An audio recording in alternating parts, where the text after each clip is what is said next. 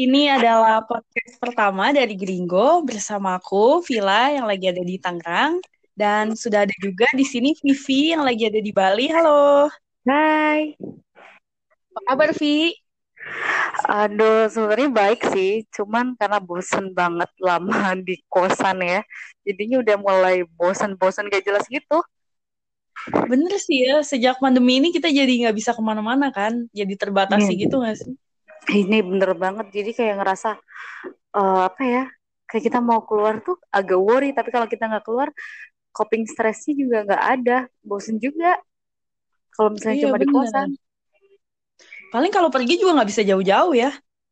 Iya banget. Sekarang tuh kalau ngelihat orang rame dikit gitu kan udah alah ntar aja deh keluarnya gitu kan udah rame udah parno gitu meskipun kita udah pakai masker udah siap semuanya sih Mm-mm. Padahal sebelum ini tuh kayaknya kalau ngelihat tahun lalu masih banyak kota-kota lain atau berbagai alam tempat yang kita datengin. Ya kan ya? bener-bener aku tuh feel tipikal orang yang kayak satu bulan itu bisa di rumah full itu cuma satu hari Wah, si saya ke mana tuh? Ih, jarang pulang, jarang pulang di rumah. Kadang juga kerja event gitu kan. Kalau nggak gitu, aku tuh hampir setiap dua minggu sekali bisa naik gunung gitu kan. Wih, Bisa rajin escape banget. ke mana pun. Iya, jarang banget aku di rumah. Bener-bener ya. Apalagi Hmm. kalau naik gunung kan nggak butuh biaya yang banyak-banyak banget. Cukup kita misalnya punya peralatannya ya sekali lah. Misalnya kita beli tenda sekali, tas sekali gitu kan. Bisa dipakai berulang kali. Bener banget, apalagi kalau naik gunung itu enak gitu bisa recharge tubuh kita gitu kan, bisa nambah motivasi juga gitu. Bener ini sih kangen ya. Udah, aduh, hampir dari bulan November gak naik, nggak naik gunung sampai sekarang.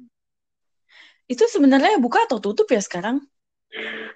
Hmm, kalau di Bali ya, udah ada Mm-mm. yang buka sih, udah rata-rata buka. Karena kalau di Bali tuh rata-rata kayak beda gitu loh gunung-gunung yang ada di Jawa. Kalau di Jawa kan ada simaksinya tuh. Mm-mm. ada kita ada ada. yang harus booking gitu nggak ada jadi naik mah tinggal naik gitu Oh, berarti gunung apa tuh yang terkenal di Bali? Gunung Agung apa yang Batur Oh, oh ya Batur. Yang banyak kan kalau Batur travel agent kan open tuh ke Batur. Berarti sebenarnya kalau kita naik sendiri gratis atau tetap bayar? kalau khusus Batur sih kemarin teman aku infoin bayar sih nggak tahu Hmm, berapa ya cuma kalau misalnya kayak eh, Gunung eh, Puncak Mangu atau Adeng yang ada di Tabanan itu eh, nggak bayar mereka cuma bayar parkir doang bedanya apa tuh? Kenapa kalau kayak Batur terkenal banget? Aku sendiri juga taunya ya cuman Batur sama Agung. Kalau gunung-gunung yang lain kurang tahu kan. Dan yang banyak Hmm. berseliweran iklan-iklan ke bule-bule juga ke turis luar itu kan Gunung Batur kan? Iya sih, karena emang Bedanya apa ya, Vi? dijangkau kan. Kan- yang Hmm, pertama gampang dijangkau, terus karena juga bisa dilihat dari Kintamani juga kan. Kalau yang hmm, eh, kalau yang di Adeng sama yang di Puncak Mangu itu karena mereka bukan destinasi wisata gitu. Banyak orang yang ada mau perjalanan apa ya, kayak sembayang eh, teman-teman yang Hindu gitu. hmm, mungkin treknya juga beda kali ya. Jadi Mm-mm. lebih alam lagi gitu. Iya, lebih jalurnya itu kalau yang di Adeng itu aku ngeliat teman aku lebih treknya itu lebih sulit dan gak ada air posisinya. Kalau di Batur itu kan Hmm, treknya udah jelas banget ya. Kayak iya. eh, apa ya? Kemungkinan kita mau tersesat tuh sedikit gitu loh. Hmm, dan ramai juga ya. Iya, rame. Cuma lagi pengen naik gunung di Jawa sih sebenarnya. Berarti gunung terakhir yang kamu daki apa tuh? Lawu, bulan November. Laut tuh Jawa Timur ya? Iya, Jawa Timur. Bisa Jawa Tengah juga sih. Hmm, hmm, hmm, hmm. Gunung. Laut tuh kalau nggak salah yang ada warung apa ya yang terkenal? Boyem. Oh iya, warung Boyong. Hmm, Boyem makan betul di di atas puncak Heeh. tuh. Itu Itu turun kayak legend. lagi pandemi gini. Enggak, masih buka. Masih Dia tetap di buka. atas itu. Iya, jadi Boyem itu selalu di atas. Jarang dia turun ke Hmm, bawah tuh. iya. Ke Kapan tuh terakhir tahu? November itu, jadi aku terakhir naik gunung November. Desember aku Tahun udah lalu? ke Mm-mm, tahun lalu. Begitu Karena kan. Nove uh, Desember aku udah di Bali nih udah di Bali Mm-mm. udah rencana kalau nggak Januari ya Februari ah mau naik gunung gitu kan eh keburu karena karena corona juga waktu load kerjaan itu banyak banget kan di bulan Januari maunya Februari gitu Februari ternyata masih banyak banget maunya Maret ternyata Maret, Maret Ya. uh, Bali kan uh, dan pasar ngadain PKM kan jadilah sampai sekarang itu nggak bisa move udah kebayang nggak gilanya kayak gimana Iya. Hmm. gunung Iya, makanya tahun ini tuh terasa cepet banget. Sekarang udah, ibaratnya udah Juli kan, udah setengah tahun lebih Hmm. lewat, dan kerasanya kita belum ngapa-ngapain, belum ke mana-mana. eh Bener bener sih? banget bener bener bener Uh, aku tuh uh, tahun lalu ya uh, tahu Indofest nggak Phil Aku taunya Outfest, Indofest yang jualan eh, produk-produk naik gunung juga kan, iya jadi kan tahun ada sekali. event Mm-mm, event itu kemarin Indofest itu kan lagi ada di Surabaya ya Mm-mm. kan terus uh, aku dapat privilege karena om aku itu ngejualin beberapa tiket kayak uh, apa ya kayak trip-trip gitu ke Annapurna di Malaya di Nepal Mhm. itu kan dapat tuh. Nah itu dapat gratisan dua. Jadi omku aku sama aku mau berangkat. Udah urus tiketnya juga kan karena paspor udah ada gitu kan. Terus Rencana berangkat akhirnya kapan tuh?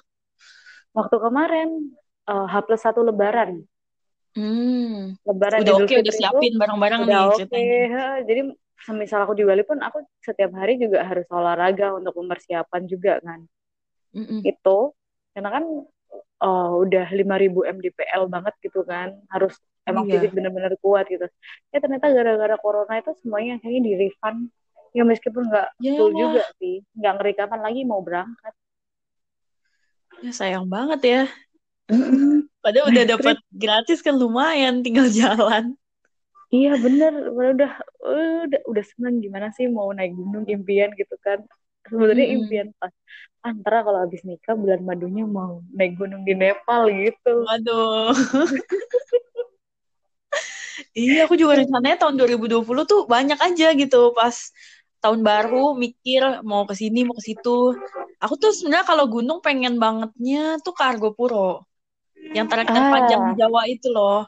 yap Iya, jadi kayak pengen jalan pelan-pelannya nikmatin gitu. Dan ini kan masih bener-bener alamnya gimana gitu. bener bener banget Mm-mm. Iya, tapi nggak kesampaian. Ya batal semua sih rencana. iya ya kita juga rencana mau ke mana ke Amit belum ini ya belum Oh iya ya. juga kan ya Hmm. Iya.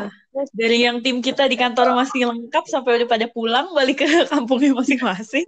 iya bener bener bener Kita nggak udah jadi pergi.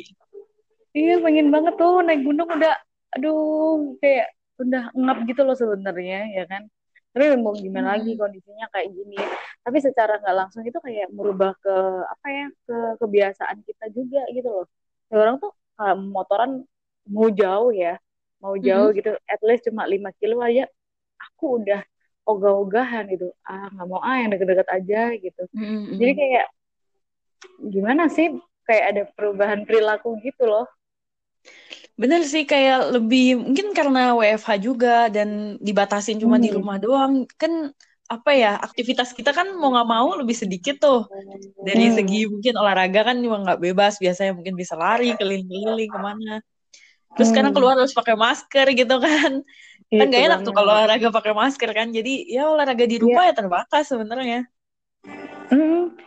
Apalagi tuh aku kalau misalnya olahraga itu kan paling suka kan Zumba kan. Kalau Heeh. kayak gini Zumba itu udah semuanya lewat Zoom gitu kan, terus virtual.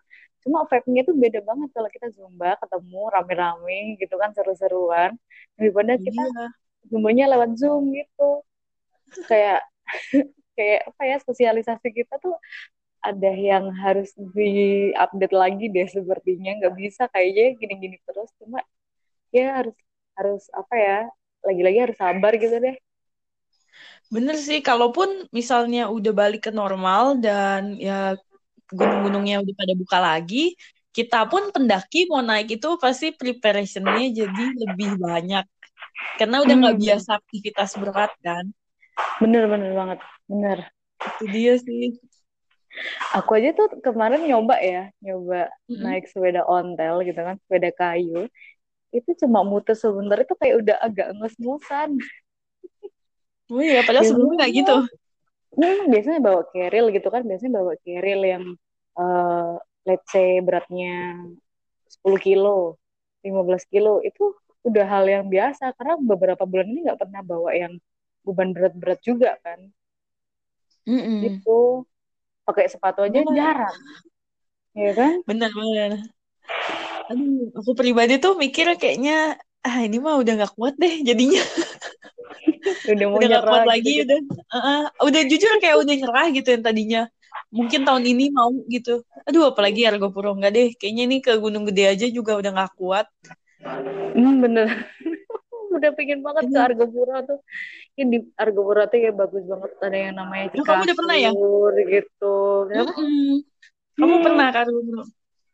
belum sih cuma emang apa teman-teman aku udah pada ke sana niatnya juga setelah uh, setelah dari Annapurna itu sudah ada janjian udah ada apa ya mau ke Argopuro juga gitu cuma ya Ah. lagi-lagi ini deh kamu udah pernah naik gunung mana aja sih Mana ya di Jawa-Jawa aja sih? Hei, luar Jawa belum? belum, luar Jawa belum. Hmm. Iya, bisa tadinya kan kamu? ke Bali kan. Aku nginjek ke nginjekin kaki di Sumatera tuh belum. Ah. Mau sekali belum. Soalnya nggak tahu mau ngapain di situ kan, nggak ada keluarga, nggak ada apa gitu. Padahal sebenarnya dari Banten, Banten itu kan cuma lewatin Selat Sunda sebentar gitu nyampe. Bener, bener, bener. Iya, tapi karena mungkin karena belum tahu mau ngapain. Tadi mau motoran kan ke Lampung, cuman ya udah akhirnya kan ke Bali. Terus di Bali ya mau naik batur gitu-gitu udah ngajakin teman-teman juga di Gringgo pada mau juga batal. Hmm. Ya kan? Kalau di Lombok kan ada juga tuh yang terkenal apa nama gunungnya? Rinjani.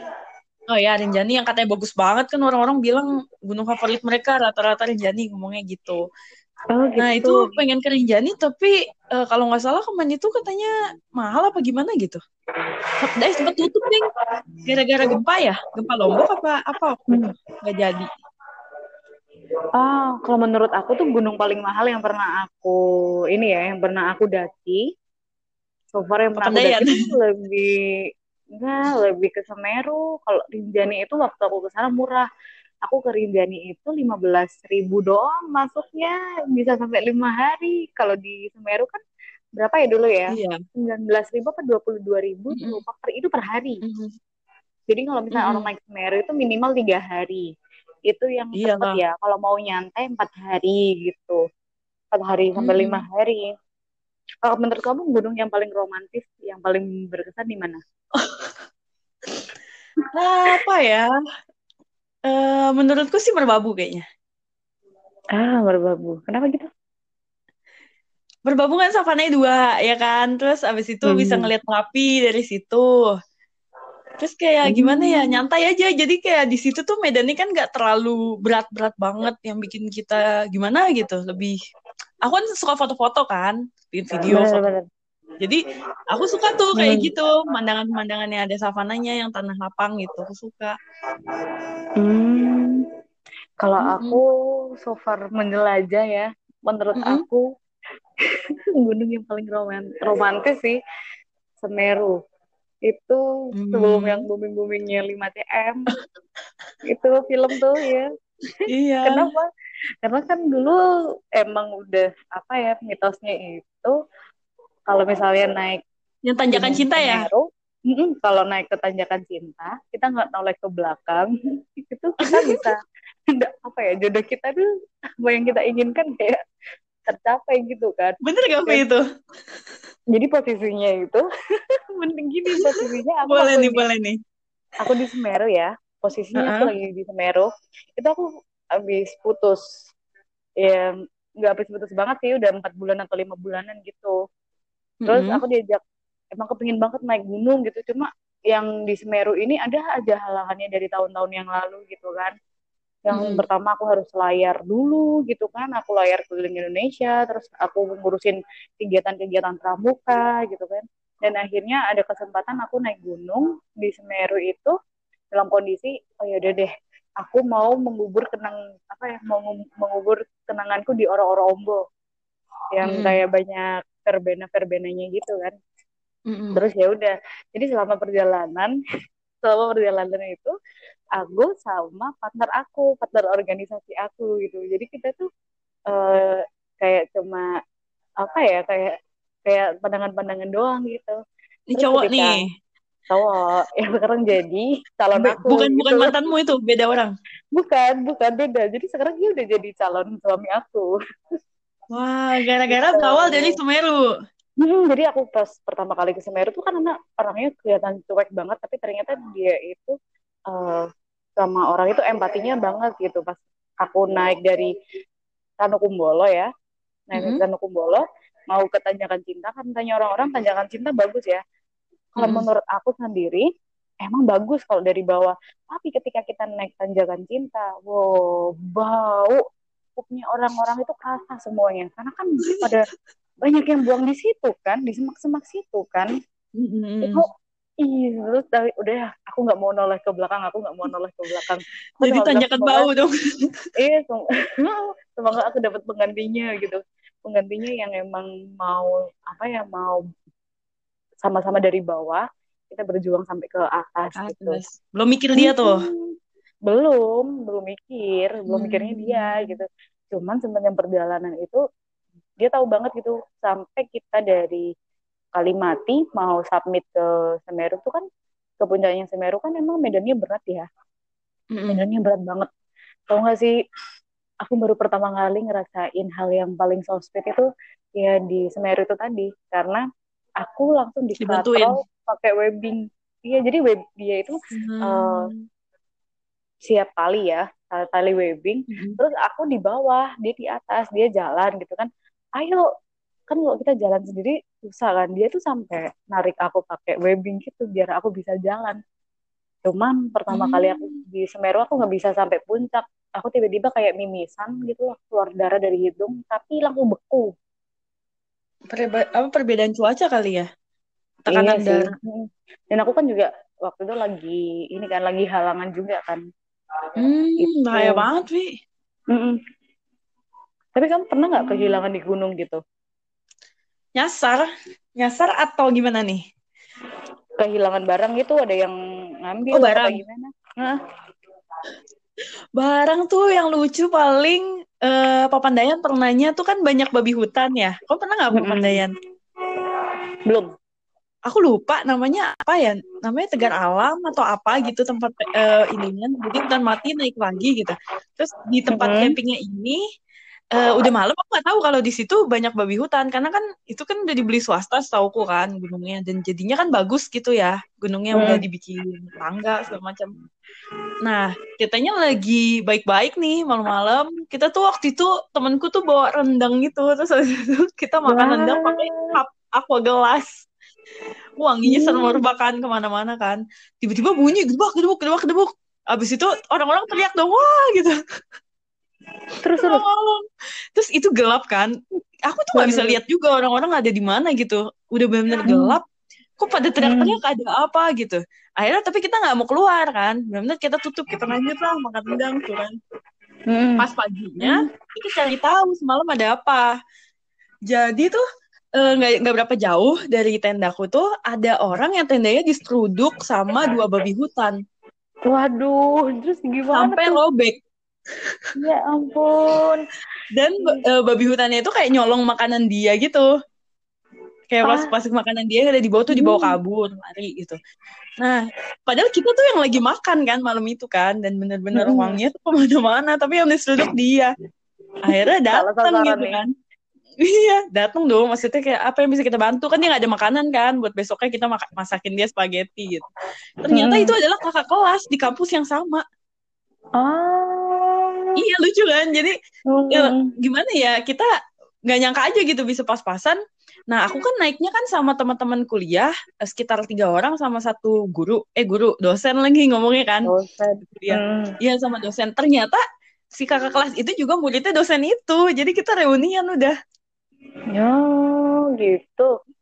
Iya. Kalau aku makanan tuh pernah sih waktu di Rinjani ya Jadi Mm-mm. posisinya waktu di Pewawangan Sembalun itu aku mau submit nih ke Puncak gitu kan. Tenda Mm-mm. biasa sih karena kan kita mikir ih siapa sih kalau di gunung mau ada yang ngemaling gitu kan emang nggak takut apa kayak karma palanya atau something wrong yang akan terjadi gitu kan ya udah kita Maling barang naik nih. nih Mm-mm. dan aku di Rinjani tuh ya kita itu bersebelas kita bersebelas cowoknya cuma tiga lainnya itu cewek Mm-mm. Gitu kan terus ya udah pas uh, aku di uh, pos terakhir pas balik-balik dari puncak tenda aku ada yang gunting dong barang-barang aku hilang barang-barang yang sih. berharga Ha, terus Berani banget ya. hmm, logistik Dibikin logistik nyasar aja dia nggak pulang loh. bener logistik yang aku bawa itu ada hilang emang sih banyak monyet cuma kan tarikan monyet sama bekas guntingan itu beda kan Iya, gunting kan ya kan rapi. karena mm, karena apa di tenda aku itu udah aku kunci gitu loh udah aku kunci tapi ternyata ya itu tadi ada yang ngambil gitu kan Wih, gila Apa aja yang hilang Vi? itu ya yang hilang ya nesting ada kompor hilang juga terus habis Aduh. itu pisau yang bermerek gitu loh tahu kan merek-merek anak-anak gunung Mm-mm. gitu kan Mm. gitu terus tapi untungnya HP-HP dan yang berharga lainnya dompet itu kebawa Dibawa. semua waktu kita ah, waktu kita submit itu Iya, aku emang juga gitu biasa bawa tas kecil. cuma aku waktu di Rinjani kan orang-orang bilang bagus banget ini ini ini ini, cuma ada satu sih sayangnya karena apa? kesadaran orang-orang itu kalau buang sampah tuh gila banget aku di sana itu menemukan sampah terus Hmm. Tuh sampah paling unik apa yang pernah kamu temuin? Aku pernah ketemu botol-botol bir dong, banyak banget. Aku di Rinjani sampah. Mm-mm. bekas kondom Oh, itu banyak itu di mana-mana. nggak Di setiap gunung ada itu mah. di gunung di gunung. Di gunung kenapa mau ngat mau ngelakuin hal konyol gitu kan?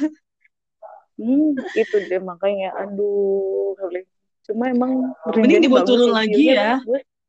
iya semua sampah kan emang harus dibawa turun kan? Nggak boleh ada yang eh, apa ya nggak boleh ada yang meninggal di situ kan? Karena kalau kebiasaan di Jawa itu ketika kita di khususnya Jawa Timur ya kita naik gunung pasti ketika kita mau ambil KTP kita lagi itu ditanyain sampahnya mana taruh ke sini gitu Mm, bener. Kan di bawah hmm, kan biasa ada tempatnya tuh. Bener tinggal kumpulin. Mm-mm. Hmm. makanya gitu. aku kalau di Semeru tuh yang paling ketat sih kalau misalnya kamu mau eh, apa kamu mau di Ranukumbolo itu kan nggak boleh mandi ya di situ ya Iya, Nah, itu ada bule, dia itu nekat libur. untuk nyebur, ya kan? Waktu kita ke situ tuh, dia nyebur dong. Akhirnya sama Nggak dimarahin sama eh, orang-orang. dimarahin lah sama rangernya. Kena Mm-mm. hukuman dong. Dia harus ngambilin sampah-sampah sekitar Ranukumbolo. Ranukumbolo itu gede banget. Iya, Tapi diketawain sama orang-orang. Iya, diketawain dong sama orang-orang dong. Itu. Eh, Tapi aku tuh tahu sebenarnya eh, kalau alasan utama nggak boleh kita kayak nyebur gitu apa sih? Masalah tenggelam atau kandungan air? Kalau misalnya kita eh, kita nyebur, kalau di. Ranukumbolo, Mm-mm. minum kan dari situ. Dari Oh, danau jadi danau. terkontaminasi ya? Benar. Terus kan juga ada kayak Hmm. tempat sembahyang gitu kan, ada arca juga kan di situ. Iya sih. Gitu. Makanya Nah, kenapa kayak nggak boleh Ranukumbolo, nyebur-nyebur? danau taman hidupnya boleh nggak tuh nyebur? Hmm, Aku pernah lihat video YouTube soalnya ada aja yang lompat nyebur, terus kayak segar banget liatnya. iya temen aku juga nyebur sih, cuma nggak tahu boleh apa enggaknya. Cuma kalau yang di waktu aku di Rinjani di Segara Anak itu, aku boleh Hmm. nyebur, boleh Oh nyebur, iya, boleh setahu aku ambil boleh ikan, sih. boleh mancing, boleh mancing juga. Hmm, iya ya. Berarti benar-benar Mm-mm. kayak danau Ranukumbolo aja yang jangan ini. Hmm, bener-bener banget. Terus ya udah. Eh, BTW kamu kalau misalnya naik gunung nih, suka masak apa? Eh, aku sih orangnya agak gak gitu suka masak sih. Tapi aku tuh Oh, paling sering apa tau nggak? Kalau orang mungkin ada yang masak paling parah kan ya Indomie gitu kan. Kalau aku tuh biasanya buat nasi bungkus. Oh, iya iya iya iya. Saking males ya masak Indomie aja males gitu. Soalnya kan ya Indomie emang sih Indomie kayak enakan panas-panas gitu. Cuman kan ah nggak sehat juga ya nggak. Bener. Kan butuh nutrisi. Mendingan aku bawa bawa sayur, bawa apa terus aku bawa dari bawah nyampe atas udah dingin. Tapi ya udah. Bener banget. Sama makan buah biasanya udah sih. Tapi kalau? Aku kebalikanmu deh kalau gitu. Kalau aku kalau di gunung lebih suka yang exploring masak-masak gitu. Hmm, bahannya biasanya aku bawa banyak tuh. mie gitu ya. Iya karena emang aku tuh punya tim, tim khusus untuk naik gunung kan. Nah, tim Oh, khusus beda-beda naik tugas ya? ini beda-beda tugas karena aku tidak bisa Benar. membawa yang terlalu berat dan uh, aku biasanya jadi cewek sendiri tahu kalau naik gunung karena teman-temanku cowok-cowok semua. Hmm. Jarang Ya banget dibutuhkan lah skill memasak. fleksibel gitu kan. Iya biasanya udah Heeh. ada nih yang buka jalur atau jalan, ada yang bawa perlengkapan-perlengkapan gitu kan yang kayak tenda, terus uh, masak-masaknya, terus ada yang bawa logistik gitu kan, ada yang bawa P3K lengkap, yang bukan hanya untuk pribadi ya, tapi untuk lengkapnya sama tim ya. Nah itu, terus kalau aku karena ya udah aku bagian yang bawa jajan dan aku bagian yang masak-masak gitu. Karena aku di Semeru tuh pernah salah olah, jadi niatnya mau makan cumi. Cuma Mm-mm. waktu aku berangkat dari Surabaya, cuminya itu udah aku kasih jeruk nipis Jadi gitu gimana tuh? Terus pas aku nyampe Ranupani, itu cuminya kayak mumi, baunya gila, bau banget. Nggak bisa dimakan dong. Akhirnya ya udah bawa apaan kamu? Mm, akhirnya ya udah dari situ tahu kan cara-cara ngolah makanan. Jadi aku tuh selama di gunung gitu ya, masak rendang iya. Masak rendang bukan bawa langsung ya, masak, masak Bukan rendang. angetin ya? Bukan, masak soto Kalau ayam aku iya. angetin orangnya. Soto ayam iya, perkedel iya. Perkedel iya. Terus eh, apa lagi ya? Banyak pokoknya kita tuh kalau mau naik gunung kita selalu ada technical meeting, nentuin logistik kita hari ini hari ke satu pagi siang malam makan apa, hari kedua makan malam apa, baru kita nanti di total belanjanya apa aja gitu, baru kita nanti iuran gitu. Oh, ya enak sih Oh, teman-temannya solid berarti. hmm, kita mesti bikin puding, kita juga kadang pernah bawa buah gitu kan. Kita emang kayak meminimalisir, kita tuh udah capek-capek naik gunung, ngapain makan mie instan gitu kan. Malah bikin capek sebenarnya. Iya, kadang kita kalau di puncak tuh, kita di puncak udah bawa puding gitu. Kita bawa puding, kita bawa susu anget gitu kan di termos. Terus ya udah ketika di Iya. puncak kita selebrasi, selebrasinya malah kita jarang kayak yang foto-foto selfie gitu ya, karena sama-sama di tim itu suka yang fotonya itu yang emang kita cari panorama gitu kan. Terus ya udah Hmm. kita foto-foto, kita ngobrol aja di puncak itu ngobrol-ngobrol gitu. Terus udah selesai, pengen balik ya yuk balik gitu.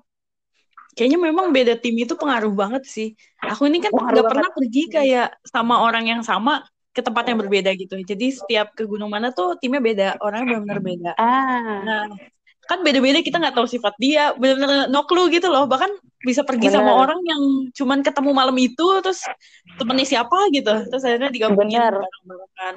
Nah itu tuh nggak ada sih yang kayak kamu yang rajin gitu nggak ada. Banyak kan aku dapatnya itu, apalagi cewek ya, dia tuh dikit-dikit Hmm. berhenti minta difotoin. Terus kalau udah Ah, nyampe ke posisi yang oke nih misalnya kayak udah cukup bagus, itu bisa setengah jam kita semua nongkrong nunggu di situ, nunggu dia photoshoot. Ntar, ntar dia bawa hmm, selendang lah, ntar dia hmm. kibar-kibarin apanya dia lah kayak gitu. Iya, iya, iya. Akhirnya iya, akhirnya pada kesel gitu. Udah, rata-rata gitu sih demennya foto-foto ala-ala OTD buat IG gitu. Kalau aku sama temanku sih, kita eh, emang nggak ngejar waktu ya, tapi kita punya estimasi waktu kedatangan dan eh, kepulangan gitu. Jadi eh, maksudnya kita itu bukan tipikal yang pendaki yang speed langkahnya cepet, gitu kan? Hmm, Yang kita pegang, ya. hmm, yang kita pegang itu konsistensi langkah. Percuma kamu langkahnya cepet banget, terus tiba-tiba langsung Capek. banyak istirahat dan banyak-banyak ininya bla bla bla gitu kan nggak konsisten sama langkah mending kita ya udah kita slow tapi kita sedikit istirahat gitu kan kita atur speed kita sendiri-sendiri gitu. Itu Hmm, kamu punya hal iya konyol nggak sih kalau naik gunung? Selain yang kemarin diseruduk babi hutan Ah, aku pernahnya tuh nyasar. Aku berapa kali kondisinya tuh nyasar atau diterpa badai hujan. Itu karena kalau menurutku pribadi ya, itu karena di timku ini ada orang-orang yang memang nggak menghargai Hmm. alam gitu. Uh, jadi tuh iya, aku tuh pernah yang kita tuh cuaca cerah-cerah aja. Terus ada Hmm. kayak dia udah biasa sih katanya naik turun gitu kan. Terus habis itu Hmm. dia bilang kayak ini mah kecil lah, ayolah jangan lama-lama. Terus habis itu dia saking apa ya sok mungkin yang nungguin. Jadi kan waktu itu cewek-cewek banyak ada sembilan cewek gitu. Terus cowoknya cuma dua. Hmm. Yang satu cowoknya dia nih. Terus dia kayak paling depan, lari maju paling depan. Terus dia nungguin cewek-cewek kan lama tuh, ya kan? Dia misalnya mata-matain inilah dahan. Terus dia kayak gitu lah, dia bener-bener banyak gaya gitu loh, ngambil-ngambil bunga segala macem. Sampai ngomong kasar. Waduh. Iya, gak tau lah emang kayak gitu. Sombong sih, Hmm. bukannya gimana ya, kayak Hmm. kayak nyepelein gitu, kayak sombong. Ah, elah ya. ini mah nungguin kalian naik mah gue bisa naik turun nih kayak gitu-gitu. Sombong banget jadi orang. Ya namanya cuaca cerah, dengerin dia sombong gitu tuh, aduh udah eh, dalam hati gimana gitu. Tiba-tiba hujan. Hmm. Hujan lebat banget, hujan lebat banget. Sampai akhirnya cowok yang satu lagi tuh pasang flysheet itu kayak di pinggir jalur gitu. Itu flysheetnya pun udah sampai nggak kuat karena itu tiba-tiba udah badai. Sampai temanku tuh dua orang udah bener-bener nggak bisa jalan, pingsan. Aduh, terus. Iya cewek ini. Kita baju basah kuyup, udah bener nggak sempet pakai jas hujan. Padahal jas hujan kan cepet ya, tapi hujan tuh langsung kayak guru gitu. langsung Nah, guyur ini- gitu ini- aja kan? Iya dua orang ini menggigil. Akhirnya lewat, ada untung ada orang yang lewat kan. Terus kita minta tolong dia lah. Nah si cowok yang sombong ini, dia malah naik terus ke atas. Hmm. Dia nggak tahu temennya di bawah tuh udah pingsan dia nggak tahu. Dia naik terus ke atas. Akhirnya kita dibagi dua tim. Yang satu ngejar dia ke atas. Nah, Hmm. maksudnya sampai dia ketemu dia di mana? Suruh. Dia kan cowok kan? Dia kan cewek-cewek. Aku tuh termasuk tim yang ngejar ke atas. Berdua apa bertiga waktu itu? Suruh bilangin sama dia suruh turun. Bantuin teman kita yang pingsan. Nah sekalian Hmm. aku tuh terus naik ke tempat camp untuk bangun tenda supaya mereka yang dari bawah naik ke atas tuh udah siap gitu. Nah Ah. terus habis itu ngejar kan si cowok itu. Akhirnya cowok itu turun ke bawah gitu kan untuk bantuin cewek itu. Mereka tuh nggak tahu gimana kayaknya berapa jam kali ya yang harusnya mungkin cuma 6 jam itu bisa sampai 10 jam lebih Ah. baru nyampe di, di tempat ini perkemahan dan ternyata cewek-cewek iya cewek-cewek itu ada sekitar empat orang itu nggak bawa matras nggak bawa sleeping bag karena ngandelin cowok-cowok Oh my god. bayangin dan Astaga. tenda yang kita udah siapin di atas cuma dua kan tenda itu Ah. juga bukan tenda besar cuma untuk yang sekitar tiga empat orang lah nah aku kan udah ini nih udah siap masuk kan di dalam ada satu cowok ini naik ke atas dia bibirnya tuh udah ungu gitu Hmm. Bukan cowok yang ini ya, bukan cowok yang eh, yang ngata-ngatain itu, satu lagi cowok yang tadi yang bikin flysheet. Dia tuh udah capek banget karena dia udah bantu eh, bawa bopong cewek itu naik ke atas. Terus dia bibirnya udah ungu, nyampe depan tenda udah nggak bisa gerak lagi. Kita udah takut di badan udah dingin, pucet banget. Akhirnya dimasukin ke tenda yang satu itu, aku udah pakai segala baju aku yang masih kering dong kasih ke dia. Udah dilapis, Oh. lapis, lapis, lapis, lapis sudah. Habis itu udah biar dia selimutan satu ini apa? eh, sleeping bag aku buat dia kan, supaya dia Hmm. bisa aman. Berarti tinggal satu sleeping bag lagi punya temanku kan. Nah kita Hmm. tadinya pasti berduaan tuh pakai sleeping bag itu di tenda yang satunya. Tiba-tiba cewek-cewek yang tadi itu yang ketinggalan di bawah empat orang itu Hmm. naik. Iya dan udah nggak ada sleeping bag lagi mereka nggak bawa. Entah basah, entah nggak bawa atau gimana. Akhirnya satu sleeping bag dipakai berenam di tenda yang cuma muat paling tiga orang gitu. Waduh parah sih. Ini manajemen pendagiannya kayak gimana? Iya, karena kan emang gak kenal, itu benar nggak kenal. Kalau nggak kenal kayak gitu tuh, tiba-tiba ini temennya si ini, temennya si ini gitu. Asal join aja gitu kan? Iya, itu sih pengalaman yang aduh kacau banget lama-lama jadi selektif gitu loh. Ah daripada kebanyakan orang, mm-mm, kebanyakan orang dapet tim kayak gini lagi, kita semua hancur. Aku pun tidur pun kaki harus dilipat kan nggak bisa tiduran, tidurnya duduk. Benar. Hmm. Terus kaki dilipat, padahal udah jalan jauh kan. Besok paginya udah nggak bisa digerakin itu kaki ada kali setengah jam diselonjorin aja sampai darah yang ngalir. Astaga, gila. Padahal tuh ya, sleeping bag itu wajib loh ketika teman-teman kalau misalnya mau mendaki atau kegiatan Mm-mm. alam gitu kan. itu mm -mm, bener masing-masing lah ya bo iya itu udah perlengkapan pribadi banget mm -mm. ya kan nih orang aku aja naik ke puncak entah itu ke Rinjani atau ke Semeru. Aku waktu summit bawa ini kok bawa apa bawa sleeping bag. Karena apa? Jaket kita itu ketika kita lagi istirahat itu kan kena angin mulu gitu kan. -mm. dingin banget kan. Semakin kita ke atas kan oksigennya semakin tipis tuh. Itu teman-teman aja kita kumpul jadi satu. Terus kita pakai sleeping bag bareng. Iya biar nggak hipotermia juga kan? Itu mungkin teman-temanmu udah berpengalaman kali ya jadinya ini udah paham gitu. Iya karena kan uh, kegiatan alam itu kan emang kegiatan yang beresiko tinggi kan. Jadi kita juga mm -hmm. uh, manajemennya itu harus sudah tersistematis juga harus sudah dipikirin. Nanti kalau misalnya kayak gini kejadian kalau misalnya kejadian hipotermia kayak gimana? Kalau misalnya kita kesasar harus kayak gimana? Jadi kalau misalnya teman-teman aku di tim aku kalau misalnya naik gunung gitu yang wajib dibawa itu alat komunikasi itu ada HT tahu kan Phil? Wih, sampai pakai iya, sampai oh, pakai HT ke iya, ya. Itu.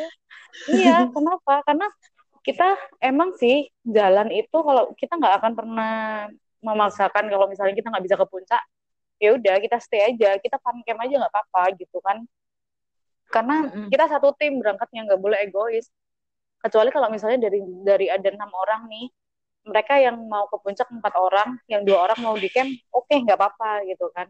Tapi kalau misalnya yang pengen ke puncak satu orang yang lainnya nggak nggak mampu lagi ya udah kita nggak usah ke puncak. Yeah. gitu. Ya, itu Jadi termasuk kan, perdebatan yang sering terjadi. Hmm, kita naik gunung itu emang puncak itu bonus buat kita. Yang Bener. terpenting adalah gimana kita menjaga tim kita gitu kan. Itu. HT itu kita bikin uh, kita bawain kalau misalnya tim kita ada lima berarti bawanya dua yang satu itu yang paling depan yang pembuka jalur yang satu -hmm. itu yang bagian tim sapu ranjau yang paling di belakang Mm-hmm. Takutnya pas lagi jalan gitu kan, kita tuh punya simbol-simbol sendiri gitu kan. Kalau misalnya udah jalanan kita agak jauh-jauh gitu, kita saling nyautin kayak tiu tiu gitu kan. Nanti ada yang nyautin gitu. Kita punya punya jargon sendiri gitu. Terus selain itu tenda ya, tenda aja kita selalu misalnya tim tenda itu kita lima orang.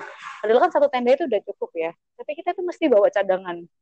Kenapa? Mm. Karena pengalaman banget aku pernah naik gunung badai frame tenda itu udah pada patah badainya itu iya, badai yang bener-bener ngeri gitu kan kompor juga kita nggak pernah bawa satu minimal tiga yang dua ini dipakai satu buat jaga-jaga takutnya waktu kita mau pakai trouble gitu kan meskipun kita udah cek gitu iya. logistik juga kita nggak ngepas banget jadi kita lebihin sedikit tapi yang nggak terlalu banyak Mm -mm. Malah bisa bagi-bagi kan ya. Jadi kalau lebih suka kopi, siapa suka ngeteh gitu. Kadang kan emang banyak teman-teman itu yang kita naik gunung gitu ya. Uh, sebenarnya paling sebel kalau kita udah di gunung di camp, tapi ada yang bawa sound system gitu loh. Mm-hmm. Terus kalau udah malam malah ini muter musik yang keras-keras. Kan kita di gunung itu cari ketenangan gitu kan. Terus kalau misalnya udah malam banyak yang pengen istirahat kan juga nggak etis juga kalau misalnya tiba-tiba kayak nyetel lagunya yang remik-remik gitu oh, terus hmm, yang ala-ala di klub-klub gitu kan itu salah dia ya zaman hmm. sekarang justru orang kalau naik gunung kan ini ini yang minum kopi ngelihat matahari terbenam. Lagu-lagunya juga gak indie. nggak yang ini ini banget sih. Iya kan? Nah, kalau menurut kamu sendiri nih ya, uh, menurut kamu tuh kalau orang yang misalnya ngerusak alam atau perkataan yang nggak dijaga selama dia ngedaki tuh, menurutmu bakal ngaruh nggak sih sama kita nyasar atau kita digangguin gitu? Basic uh, selama aku mendaki ya ngaruh. Mm-hmm. Kenapa ngaruhnya? Emang aku ada cerita sendiri, ngalamin sendiri mm. lebih tepatnya. Ngalamin aku sih bilang ngaruh sih, iya Mm-mm. Karena aku ngalaminnya kayak gini. Aku waktu itu kan uh, megengan. Megengan itu istilahnya satu hari atau kayak perayaan sebelum kita puasa Ramadan. Mm-mm. Ya, kita puasa Ramadan. Itu papa aku udah bilang jangan naik gunung dulu ya gitu. Nah dasarnya aku udah blek, aku naik gunung lah. Posisi aku juga lagi haid gunung yang aku Aduh. daki ini uh, via Jolotundo atau kayak orang-orang mau apa ya? Eh megengan apa suruh gitu aku lupa. Itu yang orang mau bersihin keris gitu kan terus orang mau ngapain itu itu terus ada temen aku tuh lagi bahas-bahas yang korban pemerkosaan gitu loh tapi dibuat ala bercandaan di gunung. Hmm, karena aku yang lagi head dan kebetulan aku lumayan peka dengan hal-hal yang kayak gitu kan. Akhirnya bener dong baru kita jalan 30 menit langsung ya di apa ada pohon gede banget itu. Itu kayak perwujudan genderuwo gitu loh kukunya tuh panjang banget gitu kan. Aku langsung nggak bisa nahan lagi aku udah nangis aku mau ke bawah gitu. Terus tiba-tiba itu tengkuk aku tuh langsung aduh udah berat banget udah nggak ngerti ngapain gitu. Sampai aku nyampe di pos perizinan itu orang-orang itu pada nyamperin dikira aku kesurupan gitu Kesurupan, kan iya. ternyata menurut mereka aku yang ketempelan karena aku lagi nggak suci waktu itu. Langsung deh dikasihin bacain ayat-ayat apa gitu terus dikasihin dupa dikelilingin dupa aku gitu. Yes, itu sih nyeruin banget sih menurutku. Makanya udah emang kalau kita naik gunung nggak boleh sembarangan gitu. Nggak aku doang papaku juga papaku ngalamin gitu kan aku juga pernah ngalamin di Gunung Arjuna Phil di Gunung hmm. Arjuna itu orang di puncak gitu kan ada yang namanya pasar bubrah atau pasar iya, setan iya, yang menuju tiba-tiba ke puncaknya. Iya. aku waktu maghrib waktu maghrib maghrib bayangin kedengaran yang namanya suara gamelan. Hmm. Dari mana coba gitu kan? Itu kamu doang atau ada yang lagi yang dengar juga? Berdua doang. Cuma dua orang hmm. yang dengar. Aku sama temanku cowok satu. Yang lainnya enggak. Hmm. Sempat gak percaya juga gitu kan. Itu ya udah tahu nggak itu bener kita muter-muter jalan kita jam uh, maghrib ya jam 6 itu turun. Terus uh, kita lupa ada yang lupa nggak ngebawa headlamp. Itu kita mm-hmm. sampai ke bawah harusnya kan jam 10 ya. Jam 10 malam mm-hmm. nyampe di tempat tenda kita di lembah kidang itu kita baru nyampe itu setengah tiga pagi. Itu pun hmm, beruntung banget gitu juga. Beruntung banget kita di apa ya ada jejak uh, dibantuin sama si burung jalak ini. Wah. Hmm malam-malam. Jadi kayak burung itu kayak emang nungguin kita nungguin kita banget. Dia terbang berhenti. Nungguin kita terus terbang lagi berhenti. Sampai di tenda karena emang lembah hmm. kidang itu kan kita ngelewatin yang namanya alas lali jiwo kan hmm. alas lali jiwa tuh kalau udah masuk situ tuh ya so scary gitu apalagi kalau di Jawa Timur itu emang ada gunung-gunung yang kalau misalnya kita lewat lewat jalurnya itu kayak lewat peninggalan-peninggalan uh, zaman sejarah yang dulu prasejarah hmm. itu masih ada candi-candinya ada arcanya itu makam nggak sih sebenarnya iya kalau yang di tempat gamelan itu makam kayak in memoriamnya orang-orang yang meninggal di sana ah makanya nggak boleh aneh-aneh Iya, gitu. aduh temenku tuh kalau ngomongnya nggak bisa dijaga ya. Aku tuh pernah yang turun itu dibikin hmm. nyasar, muter-muter. Akhirnya turun sama kayak kamu jam 3 pagi kayak gitu, yang harusnya malamnya udah turun, jadi lama hmm. muter-muter dan turunnya pun ke base camp yang berbeda. Bukan ke, hmm. saya kita naiknya jalur apa, turunnya ke jalur yang mana gitu. Gara-gara sepanjang jalan tuh temenku kayak capek, tapi ngeluhnya tuh nggak sopan, nendang-nendang pohon, kayak gitu. Itu mah parah langsung gitu. sejak itu aku bilang dalam hati gitu aduh aku nggak bisa naik lagi sama dia. Dari awal tur memutuskan turun sama dia itu aku udah firasat buruk. Ini orang kok nggak bisa diam gitu. Kayak gimana hmm. ya? Aduh males banget sih jauh apa? Jadi tiba-tiba dia menyesal gitu loh naik gunung kayak ngapain hmm. sih aku capek-capek kayak gini? Gitu. Dan ngomongnya tuh parah ngomong-ngomong segala binatang apa kan. Dendang-dendang hmm. pohon lah dia nonjok segala apa pun yang dia lihat kan. Untung untung nih orang nggak kesurupan nih tinggal berdua soalnya nih.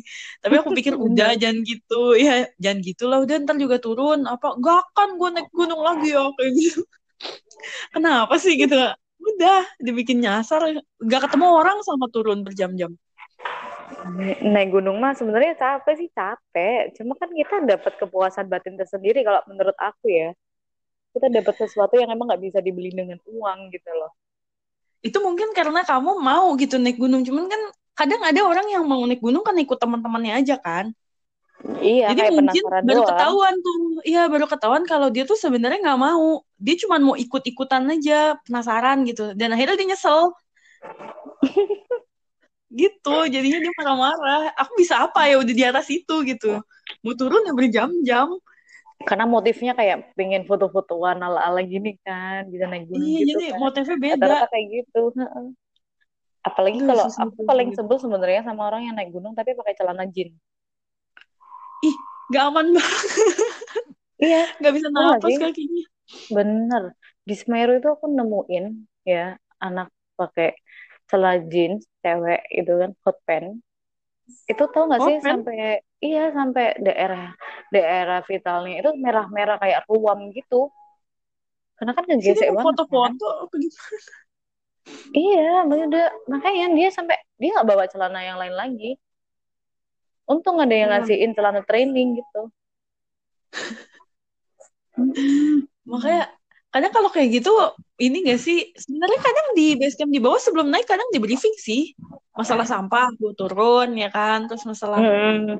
kan jalur jangan terpisah apa biasanya sih dibilangin sih Mm-mm. Cuma ya tergantung orangnya lagi kan kalau kayak gitu kan. Mm-mm. Gitu. Tapi kalau di Semeru itu emang bener-bener eh, dicek gitu loh. Oh bener bawanya ini ini ini kayak kita Mm-mm, harus dia packing dicek bener ulang, packing ulang Mm-mm. sebelum naik itu dipastiin semua orang harus bawa ya namanya sleeping bag, bawa ya namanya sepatu gitu kan. Nggak boleh yang lain-lain yang membahayakan dia. Apalagi kan sekarang banyak gunung-gunung yang tidak memperbolehkan membuat perapian juga. Mm. Itu. Pengen Iya sih sih sebenarnya mau naik ke ini Karten gitu kan ke Jaya Wijaya tapi waduh nabung dulu mahalnya cuy. Temanku terakhir ke iya sana 44 juta. Kayak mau berasa naik haji. iya yang mahal apa sih maksi ya Simaksi, terus helikopternya jalur juga Freeport kan. Heeh, bener itu. Bener banget Sama porternya kan harus pakai porter kan kalau ke sana. iya Porter aduh sehari kuat sejuta sih waktu kalau itu. Heeh. tanpa Mm-mm. bantuan porter mama-mama situ Mau mace-mace situ kan. aduh Gitu. Kalau di gunung tuh emang banyak banget kisah-kisah yang yang apa ya nggak bisa diceritain tapi berkesan banget gitu loh. Bener Tapi sih. Jadi kayak ngerasa menghargai diri sendiri gak sih? Kayak, oh ini limit Mm-mm. kita nih, gitu. Bisa kita Bener, lewatin. bener, bener. Bahkan capek kan, emang emang nggak bisa dimungkirin capek banget sih naik gunung gitu kan. Cuma kayak kita tuh ngerasanya seneng, ngerasa seneng, ih bisa naik gunung, bisa udaranya sejuk gitu kan, bisa lihat yang ijo-ijo gitu. Jadi bersyukur masih hidup. Hmm, Aku tapi ngerasa itu poin penting banget. penting Kalau banget. orang mau bersyukur, ya kalau orang mau bersyukur gitu, ngerasa diri dirinya tuh nothing gitu sebenarnya. Kita tuh kecil, bener gak sih? Itu coba aja kita Bener. lawan diri kita sendiri, dan kita berhasil lampauin itu, kita lihat apa ya orang ada di atas gunung ngeliat orang yang di bawah kecil orang yang di bawah ngeliat orang yang di atas gunung juga kecil kan kita baru benar Mm-mm. ngerasa manusia sama alam tuh jauh gitu sebenarnya Apa sih yang mau disombongin dari diri kita gitu iya kan? Toh kita di puncak gunung orang-orang yang di bawah juga akan kelihatan gitu kan. Kita juga nggak bisa ngelihat orang-orang yang ada di bawah gitu kan. Itu sih. iya Kayak emang sama-sama kecil kayak kita amazed gitu. Ya ampun bisa banget ya seindah ini gitu. Seindah ini iya ya emang tangan manusia nggak bakalan bisa membuat seperti ini. bener Gitu. kalau kalau sunrise terbaik tuh kalau menurutku masih di Dieng sih menurut kamu gimana di perahu Iya, di perahu juga. Eh dua sih, jelas banget kelihatannya tuh di, indah banget di perahu sama di penanggungan. Kalau hmm. penanggungan di Jawa Timur itu. Aku pernah juga gunung tuh ke perahu, ke perahu udah bawa karier. Ternyata naiknya itu cuma beberapa jam doang udah nyampe puncak. tiga jam apa ya Iya, ya makan mie ongklok kan, tahu nggak? Mie yang iya kayak iya iya iya kayak berlendir berlendir. Iya itu manis itu kan. iya itu. Iya dan itu itu gimana ya kalau orang nggak mau coba langsung berat-berat boleh sih perahu dulu lah ya kita rekomendasiin itu indahnya tuh udah uh cakep banget Hmm. Dan satu ya, aku suka banget naik gunung itu kenapa? Karena ketika aku naik gunung, aku mendapatkan mata air ya mata air mineral itu benar-benar seger banget nggak ngalah-ngalahin yang biasa dijual uh, yang di minimarket minimarket gitu iya. yang udah kemasan-kemasan itu itu benar-benar seger dingin yang bisa merelaksasi banget lu kan mikir iya. waduh kalau misalnya gunung udah kebanyakan orang terus ini juga bakalan dieksploitasi gitu kan. Ke mana lagi men kita mau cari air yang senikmat kayak gini gitu kan. Hmm, segernya tuh gak kira-kira hmm. memang. Dingin Bener. ya kan? Rasanya juga hmm. enak.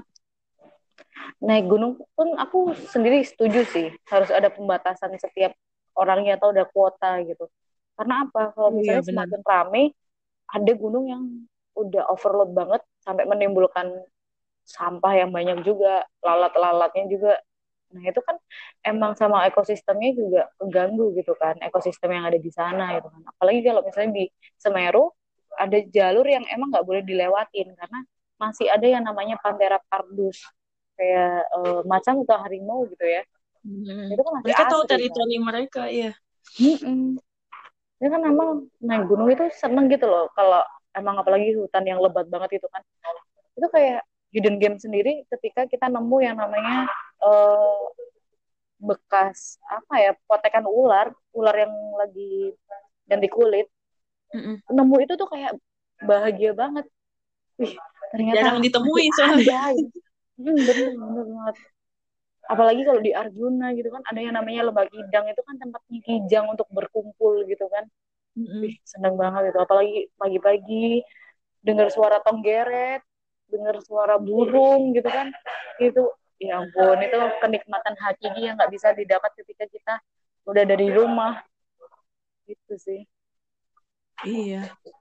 Makanya nih terus ngomong-ngomong soal simaksi ya menurut kamu tuh simaksi di gunung-gunung Indonesia tuh masih kemurahan gak sih? Menurut aku ya murah. Murah kan sebenarnya Se sehingga siapa aja tuh bisa masuk dan jadinya take it for granted gitu loh ya lah murah gitu bener mm Kalau emang bisa, menurutku ya kalau emang harganya misalnya mau dinaikin, it's okay. Tapi kan apa ya, lebih di fasilitasnya tuh lebih dibagusin lagi gitu.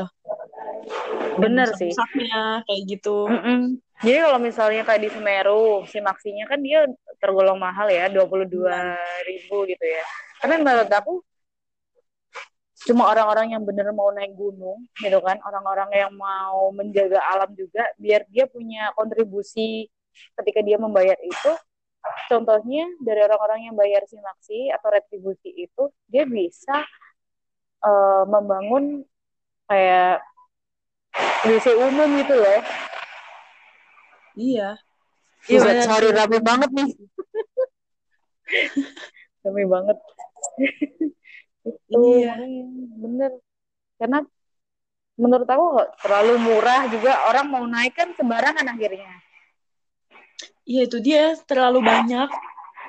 Dan orang jadi nggak gitu apa ya karena kita bayarnya murah gitu. Jadi kayak ya udahlah gitu. Nggak nggak gitu peduli. Bener gak sih? Sebenarnya ngaruh kayak gitu kalau kita punya barang mahal misalnya ya. Kita belinya pakai effort. Itu pasti lebih jaga kan ah mengaruh banget sering gini orang aja beli gear gunung ya alat-alat mendaki gunung itu nggak murah-murah loh benar like, let's say kalau untuk ukuran sepatu yang comfort aja, oh no, sepatu yang murah itu aja harganya empat ratus ribu kan? Iya, udah minimal banget tuh. Keril lima ratus ribu dapat. Matras lima puluh ribu, sleeping bag seratus ribu udah dapat. Iya. Malah berarti orang-orang yang naik gunung itu apalagi dengan perlengkapan yang mereka punya pribadi, harusnya kalau ngurusin maksinya aja juga harusnya bisa dong. Yang harganya bukan cuma sepuluh ribu doang kan.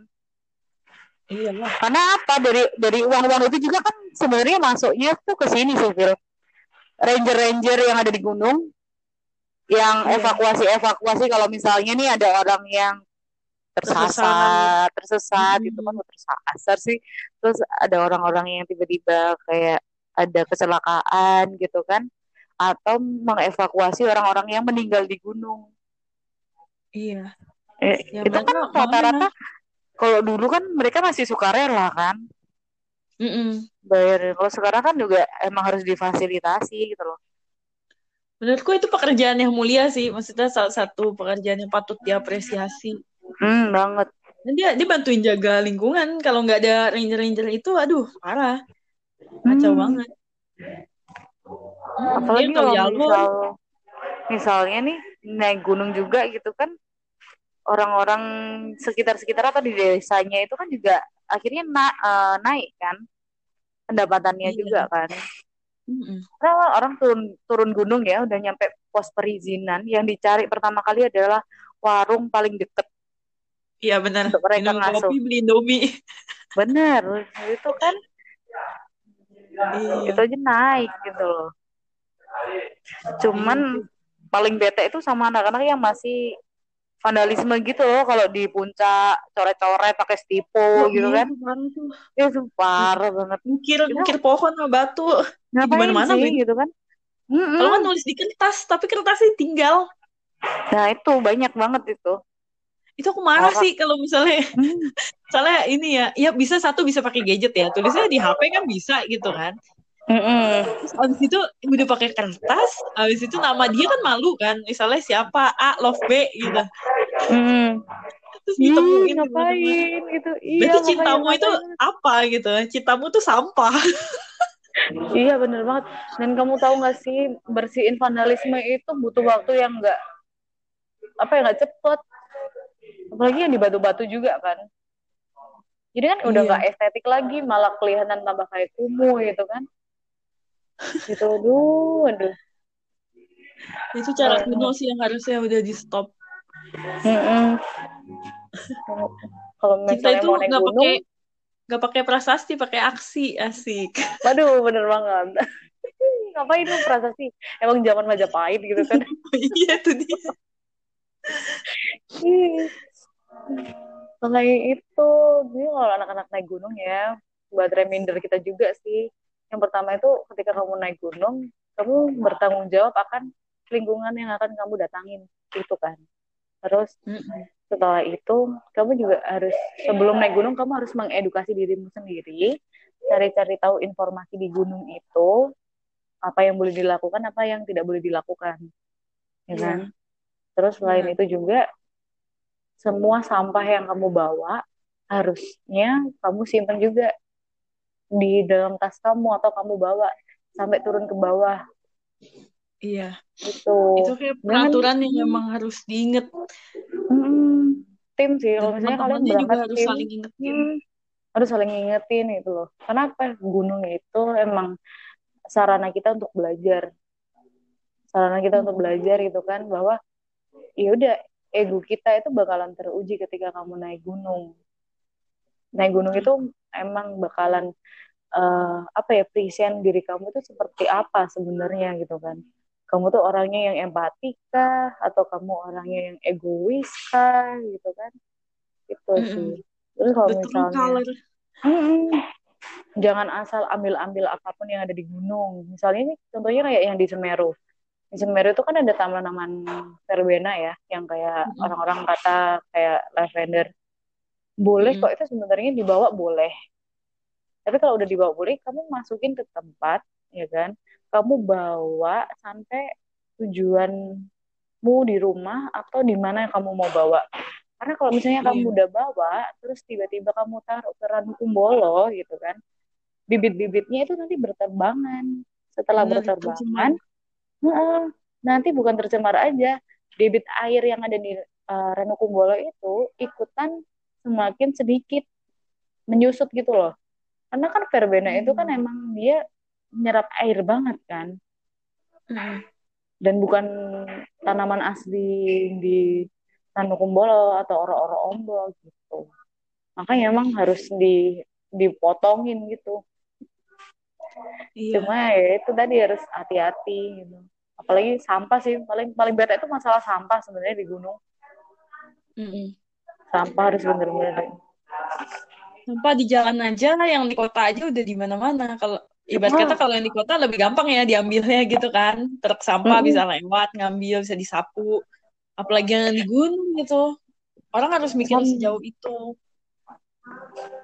Sama satu lagi, Phil. Satu lagi Betul. buat teman-teman kalau misalnya yang mau naik gunung ya, ketika hmm. kamu naik gunung, kamu menemukan yang namanya mata air, ya kan? Hmm. Menemukan mata air, jangan sekali-sekali kamu buang hajar di situ. BAK atau BAP ya, di situ. Atau gosok gigi gitu. atau cuci tangan pakai sabun tercemar atau cuci piring di situ ya kan? Iya, benar. Kamu bikin lobang ya kan? Kamu bikin lobang di tempat yang agak jauhan, kamu kamu tadahin airnya masukin ke jerigen atau ke tumbler atau ke apa gitu kan. Baru bawa keluar di situ. Soalnya apa masih ya. beberapa orang itu belum ke edukasi, mikirnya kan, "Uh, ya ada air nih, enak nih." Padahal kan di situ tempat kita buat ambil minum mau masak yeah. gitu kan mau uh, ambil keperluan kita gitu tapi kalau misalnya tiba-tiba orang-orang uh, tempat yang mau kita ambil itu tercemar oleh orang-orang yang buang BAB, BAK gitu kan terus nggak saling menghormati dan menjaga lingkungan dong kalau kayak gitu kan Benar. Karena hmm. makanya kan kita harus ngejaga alam lingkungan untuk siapa? Orang-orang yang di masa depan kan setelah anak cucu kita, orang-orang yang belum pernah ke hmm. situ gitu loh untuk next setelah kita gitu. Yang besok datang yang minggu depan datang gitu. Mm terus mulai mikir ke situ sih. Kalau kata Nadine Nadine dan Reminata gitu kan mm-hmm. kita itu sebenarnya tidak mewarisi apa-apa buat anak cucu kita. Justru kitalah yang meminjam ini semua dari anak cucu kita nanti gitu iya. sebenarnya pinjam bukan me, apa ya bukan mewariskan Mm, mm, mm. Ya, kalau kita minjem ya jangan dirusak lah, please. Iya. Ah, mantap sekali ya pembicaraan hmm. hari ini. Keren. Eh, bakalan ada lagi kan podcast? Pastinya. Jadi Hmm, podcast ke depannya tiap dua minggu sekali bakal ada dari Genigo Podcast dengan narasumber beda-beda, topiknya juga beda-beda.